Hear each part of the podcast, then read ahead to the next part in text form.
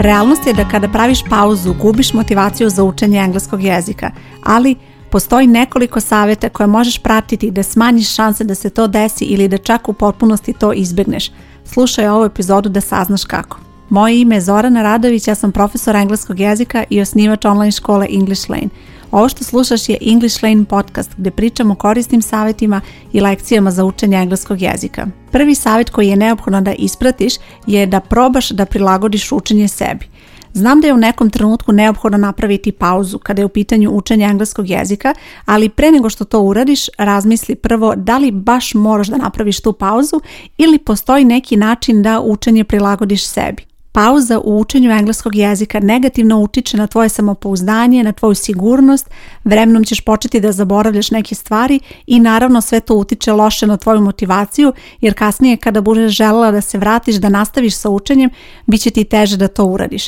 Tako da prvi korak je da probaš da izbjegneš, ako je moguće naravno, da napraviš tu pauzu. Jer vidi, rutinu koju si napravila ne želiš da uništiš. Ako si već stekla naviku da redovno učiš engleski i ako si uspjela da to ostvariš i učiš konsistentno engleski već neko vreme, onda probaj da na ne neki način tu rutinu zadržiš. Čak i ako sada u ovom trenutku moraš to malo da prilagodiš. To recimo može da znači da si učila recimo svaki drugi, treći dan, a da ćeš u nekom narednom periodu moći da učiš možda samo jednom ili dva puta nedeljno. To je ipak bolje nego u potpunosti prestati sa učenjem. E sad, ako je takva situacija da apsolutno moraš da napraviš pauzu, odnosno moraš da prekineš učenje u potpunosti, probaj da primeniš sledeći, to jest drugi savjet. Slušaj engleski jezik, odnosno čitaj na engleskom jeziku. Čak i ako praviš pauzu kada je u pitanju učenja engleskog jezika, verovatno ćeš imati vremena da možda slušaš neku pesmu, da pogledaš neku seriju, neki film, da recimo pročitaš neki članak, neku knjigu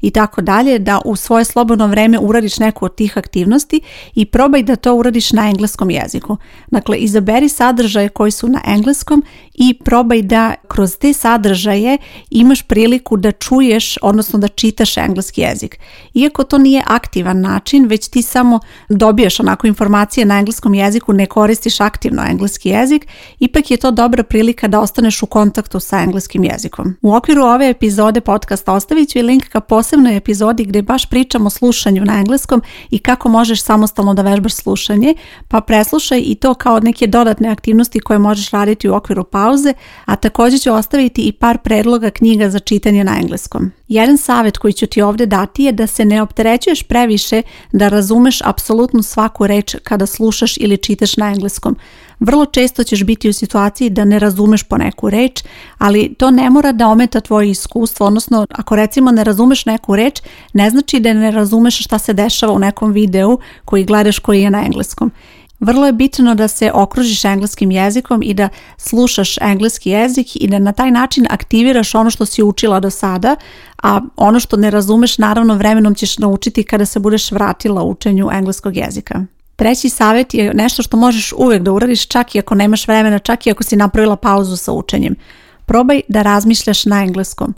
Ovo je vrlo jednostavna vežba koja će ti pomoći da aktivno koristiš ono što si naučila do sada i da nateraš sebe da razmišljaš o engleskom jeziku. Čak i ako sada ne učiš aktivno jezik, probaj da razmišljaš i da koristiš ovo kao vežbu. U bilo kom trenutku dana kada imaš vremena da usporiš misli i razmišljaš o nečemu, probaj da razmišljaš na engleskom. Čak i ako recimo razmišljaš šta ćeš sutra spremiti za ručak, probaj da to smisliš na engleskom i da sebi onako smišljaš neke rečenice, čak i ako nisu potpuno tačne, čak i ako ne znaš baš svaku reč da kažeš na engleskom, probaj da smisliš kako bi nešto od toga bar uspela da kažeš na engleskom koristeći ono što si do tada naučila. Dobra prilika za vežbu je i recimo ako imaš previše posla i zbog toga moraš da napraviš pauzu učenju, verovatno ćeš u nekom trenutku dana razmišljati i o nekim dijalozima koje vodiš na poslu, kako da se pripremiš za neki sastanak i opet probaj da sve to uradiš na engleskom. Dakle, smišljaj dijalog na engleskom, šta bi ti odgovorila na engleskom, kako bi pitanje glasilo na engleskom,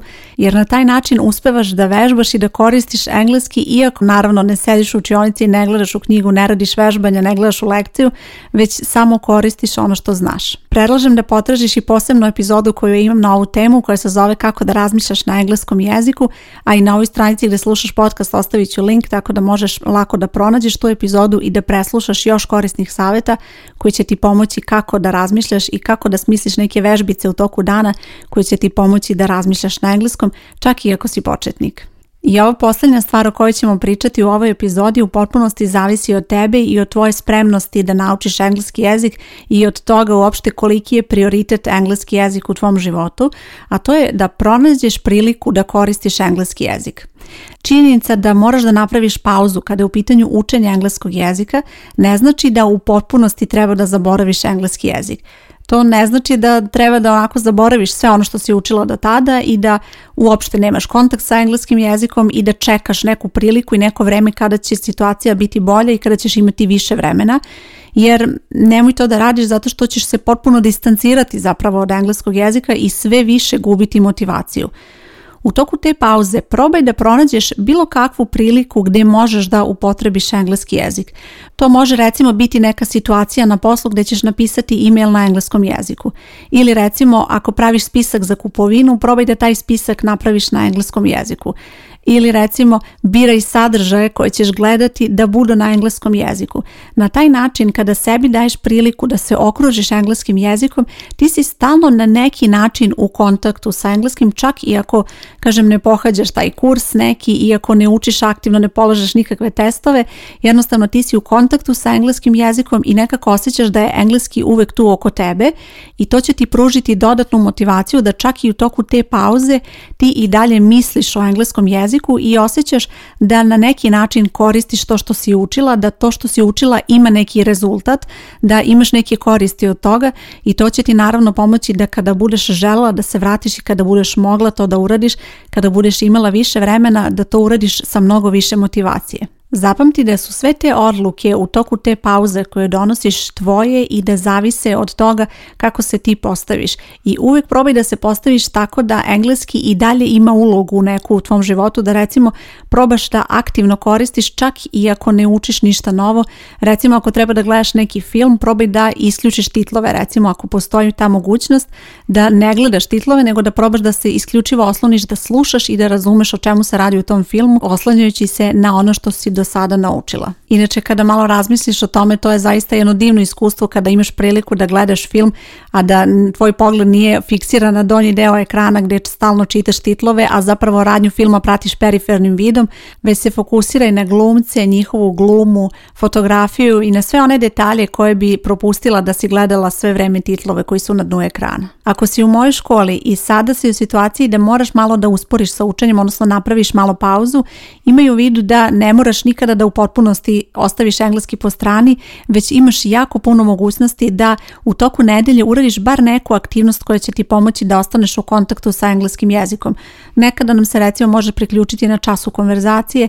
nekada možeš pogledati neku radionicu, preslušati neku epizodu podcasta ili jednostavno se ulogovati i uraditi par vežbanja koja će ti pomoći da malo budeš u kontaktu sa engleskim, a bez nekog pritiska da moraš da radiš previše u trenucima kada za to nemaš vremena. Ako u potpunosti odustaneš od učenja engleskog jezika i u potpunosti se zapravo distanciraš od engleskog u toku te pauze, imaju vidu da su šanse da se vratiš učenju vrlo male, baš zato što ćeš izgubiti tu motivaciju, izgubit ćeš tu rutinu koju si stekla i sve ono što te u stvari pokrenulo i pomoglo ti da postigneš sve ono što si postigla do tada. Ukoliko nisi član moje škole, želim da ti malo pojasnim kako izgleda učenje. Učenje je u potpunosti fleksibilno i zasniva se na tome da ti organizuješ svoje vreme kako kako ćeš učiti i postoji program koji možeš pratiti, ali u trenucima kada imaš previše obaveza, ti uvijek imaš mogućnost da učiš malo sporije od toga ili da recimo ako neke nedelje ne stižeš da uradiš taj modul, odnosno ne uradiš aktivnosti koje su predviđene u toku kursa, uvijek imaš opciju da uradiš neke dodatne aktivnosti koje su dostupne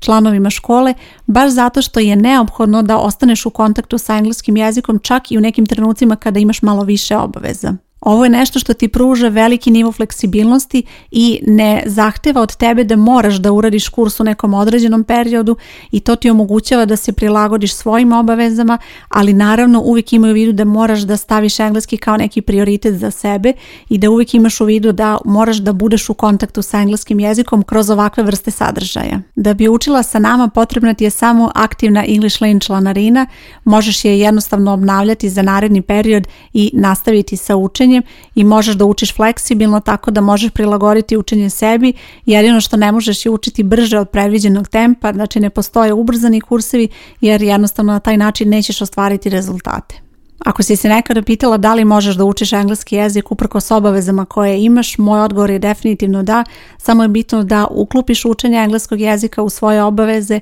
i da imaš jednostavno želju da naučiš engleski jezik, da staviš engleski kao neki prioritet za tebe i vidjet ćeš da u tome možeš uspjeti. Mnogi moje polaznici imaju jako puno obaveza oko posla, oko porodice, ali uspevaju da uče engleski jezik i da ostvare sjajne rezultate i rado ću i tebi u tome pomoći. Na ovoj stranici gdje slušaš podcast bit će link gdje možeš da se prijaviš ili možeš potražiti English Lane online škola i tu ćeš pronaći sve informacije o tome i kako možeš da se prijaviš. Bez obzira da li ćeš učiti sa mnom ili na neki drugi način, probaj da ispratiš ova četiri savjeta u trenucima kada moraš da napraviš pauzu i kada moraš malo da usporiš kada je u pitanju učenja engleskog jezika. Prilagodi učenje sebi ukoliko je to moguće da na taj način izbjegneš da praviš pauzu, posebno ako je neka duža pauza u pitanju